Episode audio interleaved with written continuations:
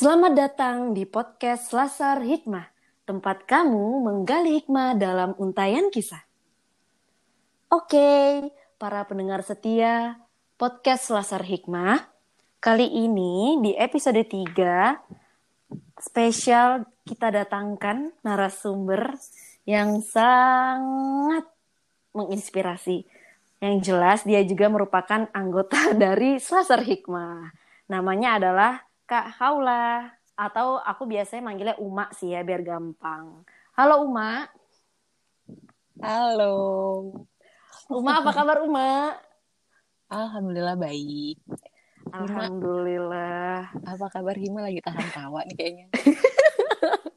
Aduh udah lepas deh baru baru perkenalan mak. udah ketawa aja gue.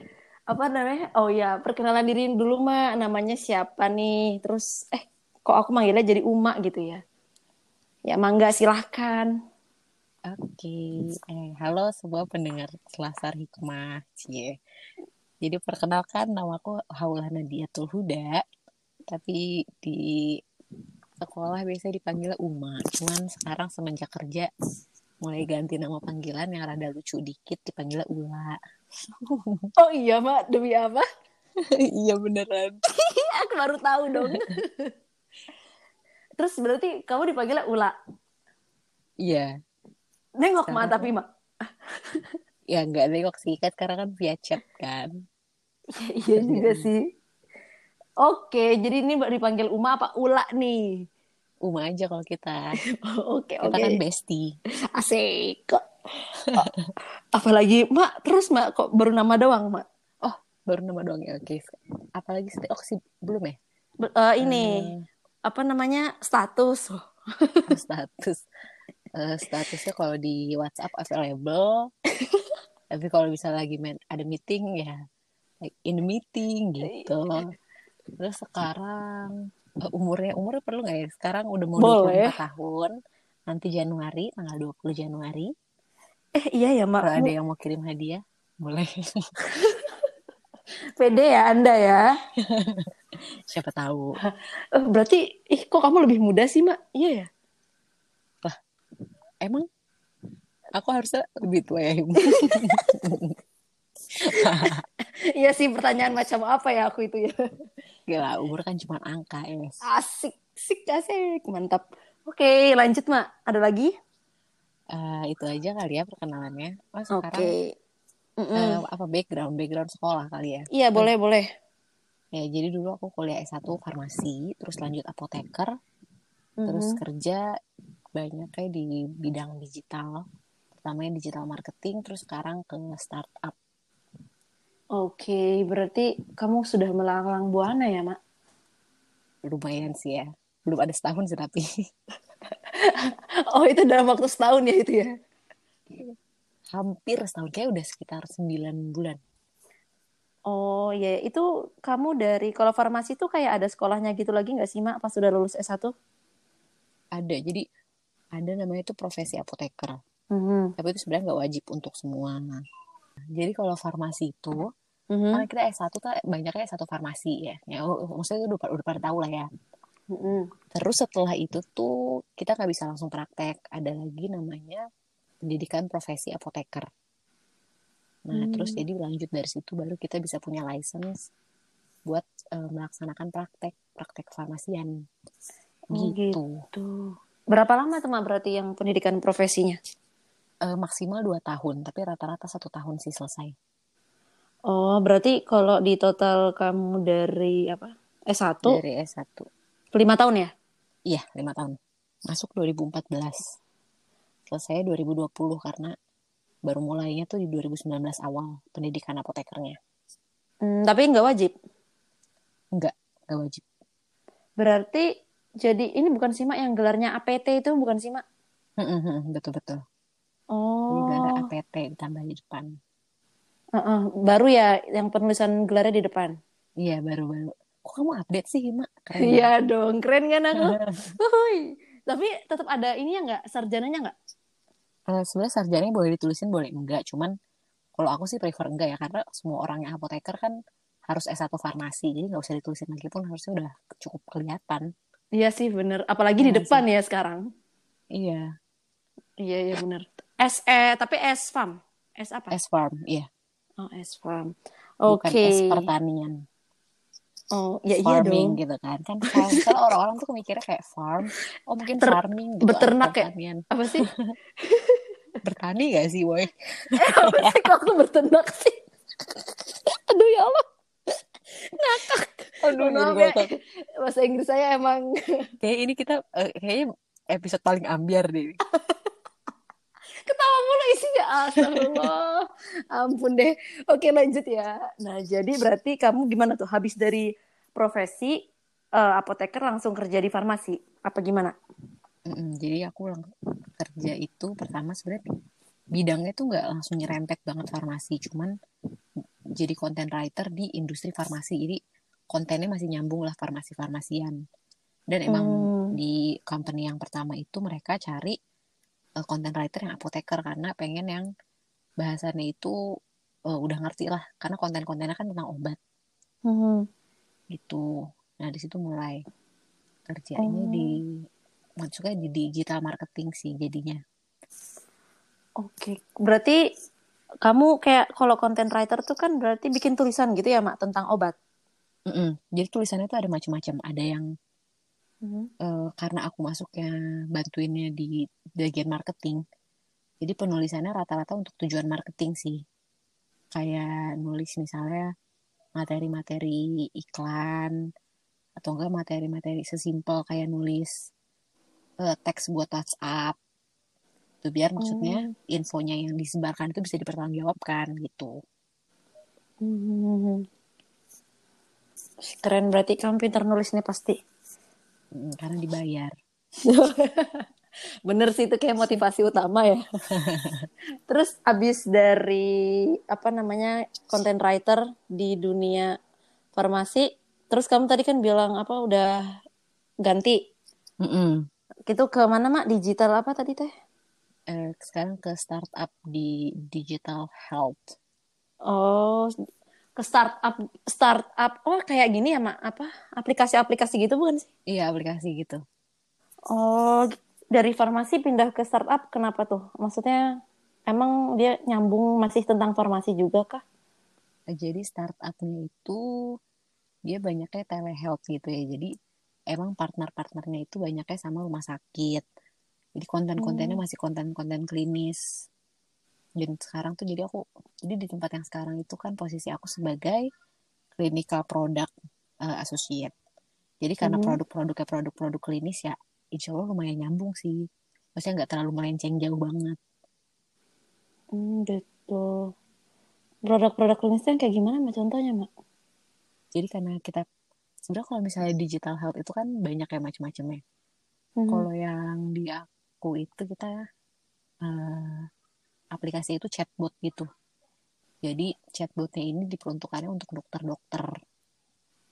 Jadi konten yang di dari konten dari rumah sakit kita bikinin eh, artificial intelligence buat di chatbotnya. Jadi dokter cukup buka satu aplikasi untuk Hmm. kep- keperluan-keperluan dia. Entah dia butuh ngitung dosis kah, atau misalnya dia butuh ngelihat eh, dokumen tentang cara pengobatan suatu penyakit dari rumah sakitnya, terus atau enggak ngelihat macam-macam sih fitur di dalamnya. Ada kalkulasi price harga buat pengobatan, kemo, kayak gitu-gitu. Tapi masih Hmm. developing sih. Fitur-fiturnya masih banyak yang lain gitu. Jadi nanti ya teman-teman. Iklan gue. Nggak masalah, gratis kok di sini. oh, aku kira teh ini buat ini mah apa? Buat kayak akunya gitu, kayak pasiennya atau masyarakat biasa gitu. Sebenarnya kita ngembangin yang buat pasien juga, tapi tetap eh, otoritinya tuh dari otoritasnya dari rumah sakit. Jadi rumah sakit klien kita pengen Mhm. pasiennya itu di provide dengan suatu teknologi. Nah, jadi eh, rumah sakit kliennya itu pengen Mhm. eh, pasiennya di provide dengan suatu teknologi biasanya sih buat monitoring monitoring penyakit penyakit penyakit kronis kayak darah tinggi atau diabetes Hmm. Ya, ya, jadi saling terkoneksi ya. Terus tadi berarti ini ya, Mak ya. Kalau misalkan ke pasien pun jatuhnya eh, based on pasien yang di rumah sakit iya, itu jadi gitu. gak langsung nggak langsung ke kliennya kliennya itu nggak langsung perorangan gitu. Hmm, I see, I see. Kenapa tuh mak kamu tertarik di bidang kerja di bidang kerja apa sih? Di bidang digital healthcare. Udah mulai oleng. Kalau aku sih kenapa jadi sebenarnya yang yang ini sebenarnya pattern aku sendiri ya yang aku rasain di selama kerja itu aku sebenarnya enjoy waktu kerja di digital marketing. Terus pas pindah ke Ter- digital uh, health ini aku juga ngerasa karena gini jadi yang aku lihat itu kayaknya aku enjoy untuk melihat pattern atau uh, behavior dari consumer atau usernya. Marketing kan kita Mhm. perlu juga ngelihat itu tuh kayak ini nanti orang yang mau beli produk kita tuh kebiasaannya ngapain ya kira-kira kayak gitu kan. Terus biar dia ngelihat iklan kita, kita harus naruh iklannya di mana ya kayak gitu-gitu kan. Nah yang sekarang juga karena startupnya itu artificial intelligence, jadi emang base-nya tuh dari patternnya dari pattern manusia gitu dari human. Berusaha untuk meringankan kerjaan manusia kan. Jadi sebisa Iya, mungkin benar. mirip dengan manusia gitu. Jadi kayak aku emang pokoknya semua muanya tuh aku tertariknya sama yang berhubungan sama human aja. Oh I see. Hmm, tapi ya yang kalau aku lihat kapasitas aku ya aku bisa mampu di di situ gitu. Karena farmasi backgroundnya kan. Hmm. Begitu ceritanya. Terus? Berarti kan ini tadi kamu juga sempat nyinggung tentang telehealth. Mm-mm. itu sebenarnya apa ya gitu? Kayak kamu mungkin bisa menceritakan lebih dalam lebih detail tentang telehealth. Sama aku pernah dengar juga tuh kayak ada telemedicine gitu loh. Mm-mm. itu sama apa enggak sih? Jadi ini ini aku juga karena aku masih baru ya jadi aku nyontek nyontek juga. Jadi kalau misalnya dari kalau berdasarkan WHO sih. Jadi digital health itu adalah ibu besarnya. Nanti abis di, di bawah digital health tuh dia anak-anaknya ada telehealth ada telemedicine dan ada yang lain-lainnya. Nah tapi kenapa dua itu dibedain? Jadi kalau telemedicine ini tuh lebih ke eh, pelayanannya pelayanan klinis. Kayak misalnya eh, interaksi sama dokter langsung. Pasien yang interaksi sama dokter langsung. Itu kan pelayanan kan jadi masuknya. Mhm. atau eh, misalnya ada yang ngebuka ada juga nih startup yang dia membuka layanan video call untuk eh, dokter dan pasien. Atau misalnya ya konsul Konsul. kayak gitu. Atau atau yang Mhm. dia misalnya startup yang ngembangin cara deteksi diagnosis suatu penyakit. Itu kan berhubungannya sama keputusan klinis kan nantinya. Nah itu lebih masuknya ke telemedicine. Tapi kalau telehealth ini juga mencakup yang non klinis kayak yang administratif misalnya tentang eh, jadwal jaga atau misalnya yang kayak tadi di tempat aku tuh yang dokumen-dokumen dokumen-dokumen dokter. Nah itu masuknya ke telehealth gitu. Oh berarti kamu jatuhnya kerja di bidang telehealth itu dong? Telehealth tapi lagi ngembangin telemedicine. Dua-duanya sih sebenarnya.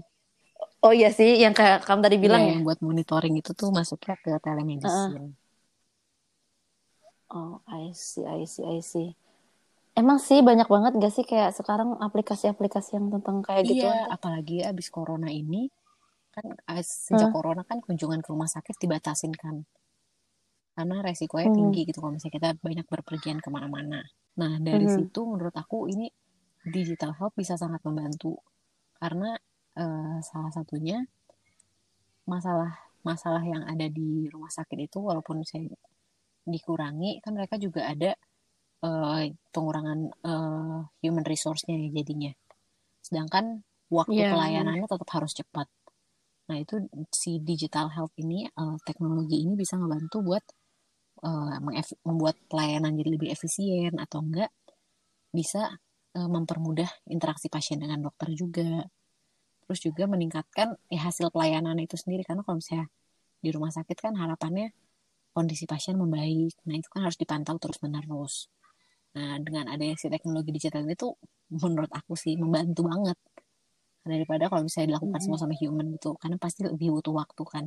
Apalagi kalau pasien tuh kan Benar. harus di apa ya namanya personalize gitu jadi satu-satu dipantau ya jadi akan makan lebih Benar banyak sekali. waktu gitu. Ya sesuai dengan fungsinya ya artificial intelligence buat membantu manusia biar lebih mudah. Jadi ini ada hal menarik ya, ini sebuah cerita aja sih. Uh, yang bikin Mm-mm. aku tertarik sama si consumer behavior ini karena waktu kerja di digital marketing itu aku uh, kan mantau ya. Jadi produknya ada produk yang uh, untuk pria, ada produk yang untuk wanita gitu kan. Nah, ternyata treatment buat iklannya juga harus beda. Maksudnya itu contoh simpel menariknya aja ya. Jadi ketika kita ngiklan ke cewek, biasanya sumber kebahagiaan cewek itu ada di sekitar dia. Jadi bukan dirinya dia sendiri. Misalnya seorang ibu, dia bahagia kalau anaknya Mhm. sehat. Dia bahagia kalau anaknya apa. Atau nggak dia bahagia kalau suaminya gimana gitu. Oh, I see. Terus terus. Nah, tapi kalau cowok, cowok itu pusat kesenangannya adalah diri dia sendiri. Jadi si iklan itu harus Mhm. kayak membuat uh, si targetnya ini si cowok ini sebagai highlight. Misalnya nih, oh, misalnya iklan buat uh, baju. Kita branding baju ini buat eks- biar jadi eksklusif. Jadi setiap cowok yang pakai baju ini tuh cowok keren gitu. Misalnya co- salah satu contohnya misalnya iklan X. Itu kan dia memberikan kesan yang pakai itu cowok-cowok yang uh, high class gitu kan, keren. Iya, iya benar-benar. gitu, iya. Cool. Kayak gitu. Nah, terus tapi yang di di digital health ini aku masih discovering sih karena ini tuh segmennya lebih terfokus lagi. Ini udah uh, terfilternya tuh kayak ini profesinya profesi khusus, orang yang kerja di rumah sakit, kontennya udah konten khusus. Jadi kayak masih harus mengulik-ngulik lagi patternnya seperti apa. Gitu. Iya benar-benar. Berarti itu kamu kayak apa ya mak? Eh, kerja sama sama satu rumah sakit kah atau kayak banyak sama banyak rumah sakit gitu? Eh, sekarang sih banyak sih, lumayan banyak rumah sakit. Jadi si rumah sakit rumah sakit ini emang eh, karena partnership, jadi terus-terusan feedbacknya eh, mutar terus. Jadi ada feedback review. Jadi kita Hmm. tiap minggu tuh ada nge-review eh, kerjaan eh, produk kita. Produknya kan chatbot. Nge-review produk seminggu kemarin. Mhm. Terus nanti dari situ perbaikan, perbaikan, perbaikan. Jadi emang terus-terusan perbaikan gitu. Never ending. Kayak tiap minggu ada aja yang baru. Tapi kayak keren dong. Tapi maksudnya apa ya? Emang sangat useful gitu loh Iya, mak. tapi mm, sih. Jadi artificial intelligence itu kan eh, Mhm. mempelajari pattern atau kebiasaan kita nih. Manusia-manusia manusia kan. Mhm. Terus itu dijadikan pembelajaran untuk suatu mesin kan. Iya. Nah, terus gue kayak ngebayangin kalau kita sebagai manusia ini ini lebih ke buat self ini ya, reminder. Gue sebagai manusia menyadari pattern diri gue sendiri gitu. Maksudnya gue manusia itu kan bukan mesin, punya otak buat ngolah bisa lebih cepat. Terus kayak gue memahami pattern diri gue sendiri tuh kayak bakal bisa lebih hebat. Ya enggak sih? Iya iya. Terus Ya, bener banget sih. biarpun ada teknologi itu gitu. Bener, bener banget mak. Iya, tapi emang purpose-nya lebih ke buat diri sendiri, biar diri sendiri lebih useful gitu ya, enggak enggak jadi sampah. Bener sih, sempat tahu nggak sih yang kayak apa pernah denger aku teh jangan sampai si AI ini kayak lebih pinter dari yang buat AI gitu. Iya, tapi emang hmm, ya namanya mesin ya. So, dia kan udah punya pola-pola tersendiri gitu loh. Dan maksudnya itu itu kelebihan kita gitu loh sebagai manusia yang punya akal. Mantap. Oke, terus apa lagi tadi teh? So, aku sampai sampai tercengang. Soalnya kayak aku belum pernah gitu loh, Mak. Apa ya? Emang kan kayak zaman sekarang kan digital banget ya. Terus aku Mm-mm. belum pernah ada pengalaman atau belum pernah dengar cerita di temen gitu ya yang kerja emang di bagian AI ini gitu kayak yang nganuin startup atau segala macem. Toh Hmm. palingan startup pun kayak biasanya kayak yang model apa namanya jualan-jualan biasa gitu kan, Hmm, hmm, hmm. bukan yang Soalnya tentang healthcare. Iya, soal ke consumer langsung kan dia. Yang kamu kebanyakan ya benar-benar. Terus ya itu tadinya kan aku kira kayak si apa namanya kayak model digital healthcare ini ya mm, apa khusus untuk pasien doang loh gitu. Ternyata ada juga yang buat ngebantu para dokter gitu kayak nganuin Mm-mm. data-datanya kan, obat-obatnya lah, apalah itulah. Iya, iya. bener Gitu ceritanya, mantap. Terus Semakin perkembangan. Ini aku- Gimana? Rada mau ngencel ya Ya nggak masalah. Bebas.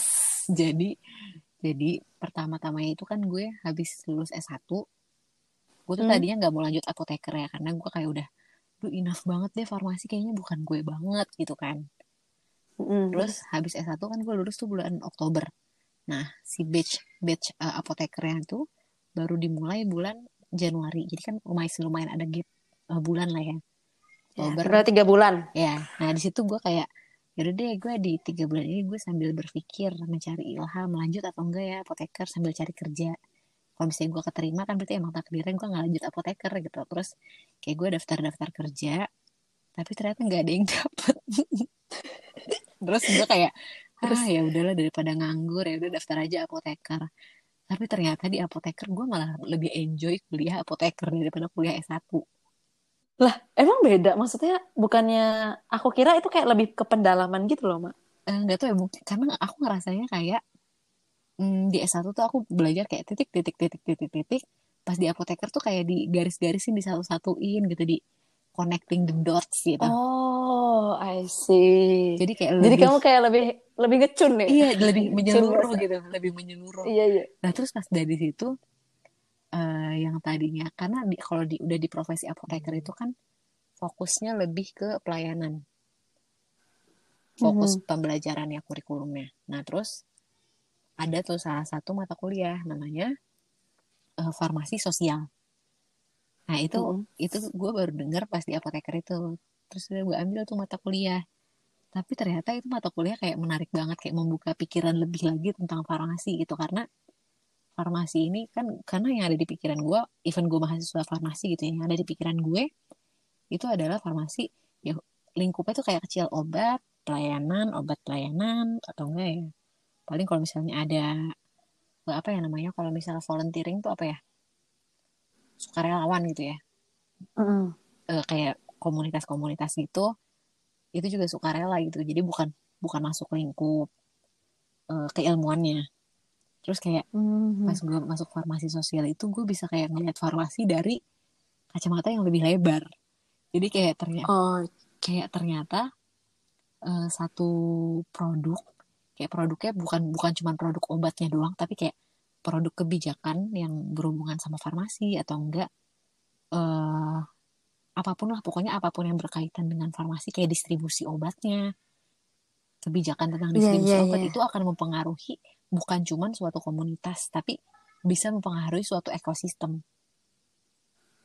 I see. Jadi kayak lihat dari sudut pandang yang berbeda ya, nah Mak? iya dari situ gue kayak lebih wah ini kayak kok lebih menarik ya gitu kan Eh, terus pas kayak baru menemukan iya ya. iya iya bener banget terus udah kayak gitu eh, pas pas eh, udah dari situ kan gue di situ udah kayak sebat cuman sebatas kayak oh ya udah tertarik nih ini lingkupnya bisa lebih gede. Nah terus pas gue ini gue baru kepikirannya pas gue mulai kerja digital digitalan sih. Kalau digital itu kan kan pergerakan segala-galanya itu cepet. Jadi misalnya Mhm. dalam satu menit gue bisa dapat informasi dari banyak. Misal satu menit gue buka Instagram informasi yang gue dapetin tuh dari banyak tempat kan. Dari Sumber. ya dari akun lo dari akunnya si Zeta dari akunnya si Berry akunnya siapa akunnya siapa gitu kan terus kayak gue ngebayangin kalau misalnya si platform digital ini kayak misalnya salah satu produk entah itu waktu gue di marketing atau misalnya gue di eh, startup yang sekarang misalnya gue di marketing nih terus gue punya satu produk satu konten iklan. Terus gue taruh nih iklannya di digital platform. Itu kan dia udah bisa ngeakses berapa juta orang kan.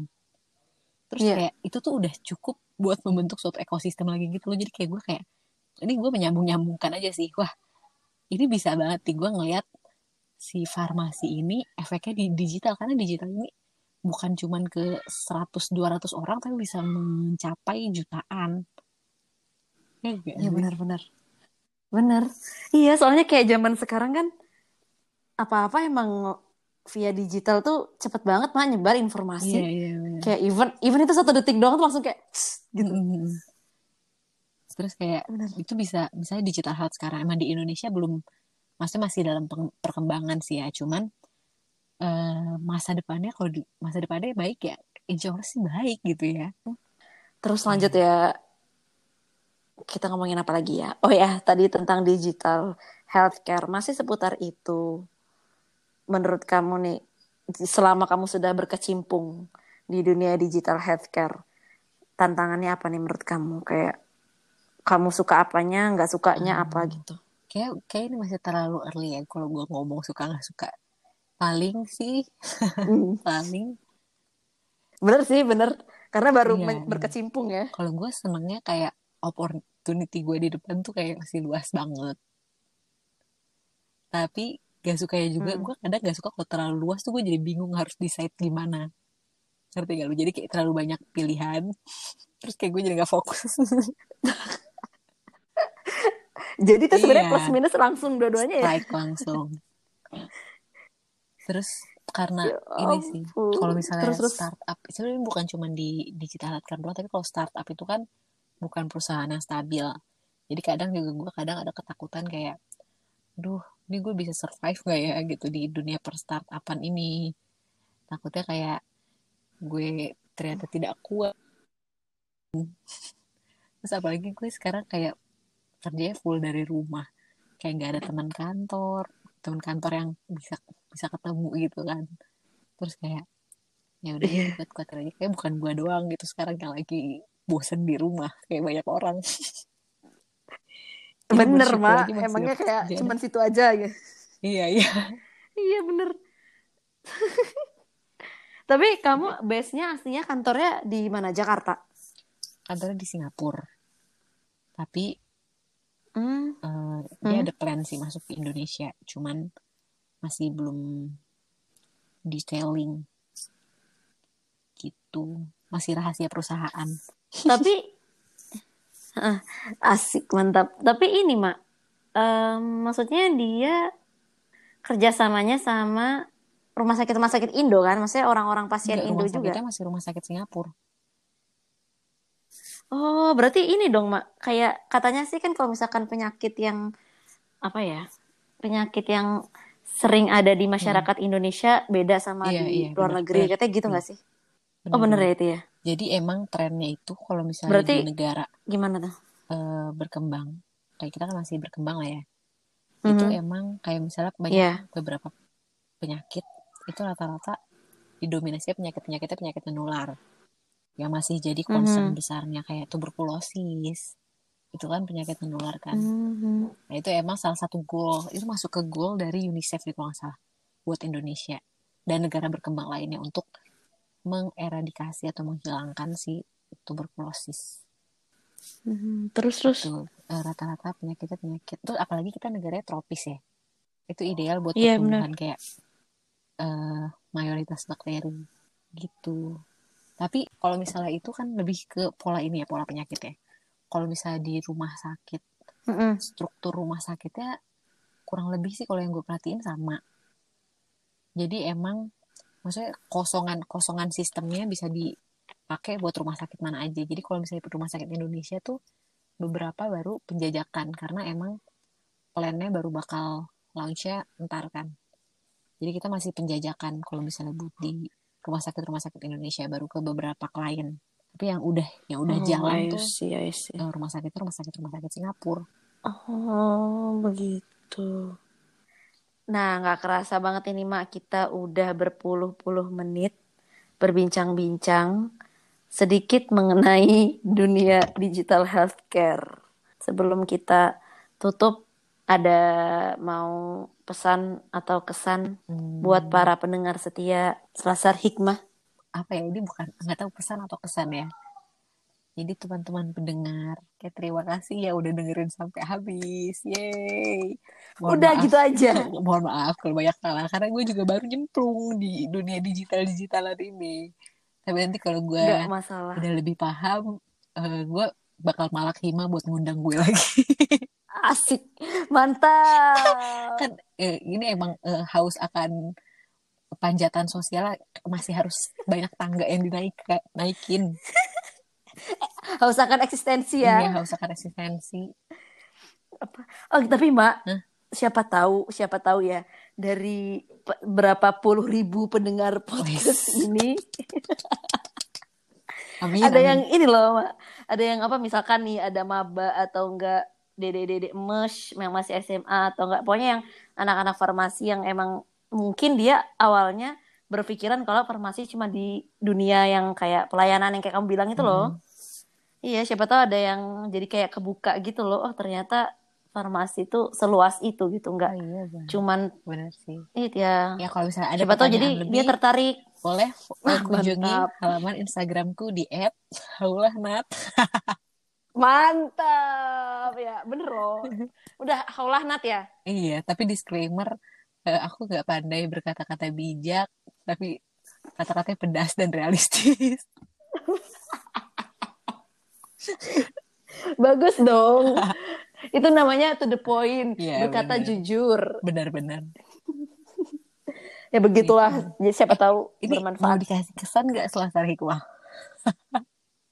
Dikasih lah. Apa dong? Iya, eh, kesannya buat selasar hikmah sih. Gila, eh, keren banget Hima udah sampai episode 3. Gila. Emang kalau ada ide tuh tinggal dilakuin doang deh, bener-bener. Iya cuy, sama satu. Istiqomah nanti Nah, itu susah bener ya. sih. Oke, kalau gitu cukup sekian ya dari kita. Semoga pokoknya teman-teman pendengar Selasar Hikmah mendapatkan hikmah dari apa yang kita perbincangkan Amin. selama beberapa menit ke belakang. Amin. Terima kasih banyak sudah mendengarkan episode ketiga Selasar Hikmah kali ini. Doakan semoga aku bisa terus istiqomah ya Amin. untuk update untuk update episode-episode di Selasar Hikmah agar bisa memberi hikmah kepada banyak Ya, orang. nanti siap-siap aku Begitu. tagih ya tiap minggu. Asik mantap. Anda siap-siap ya update materi. Terima kasih juga Uma sudah datang, sudah datang, sudah mau menyempatkan berbagi kisahnya.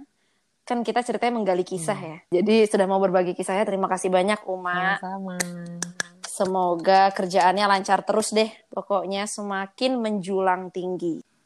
Oke, cukup sampai di sini ya. Kita berdua pamit undur diri tiga. Wassalamualaikum warahmatullahi, wabarakatuh. wabarakatuh. Dadah semuanya.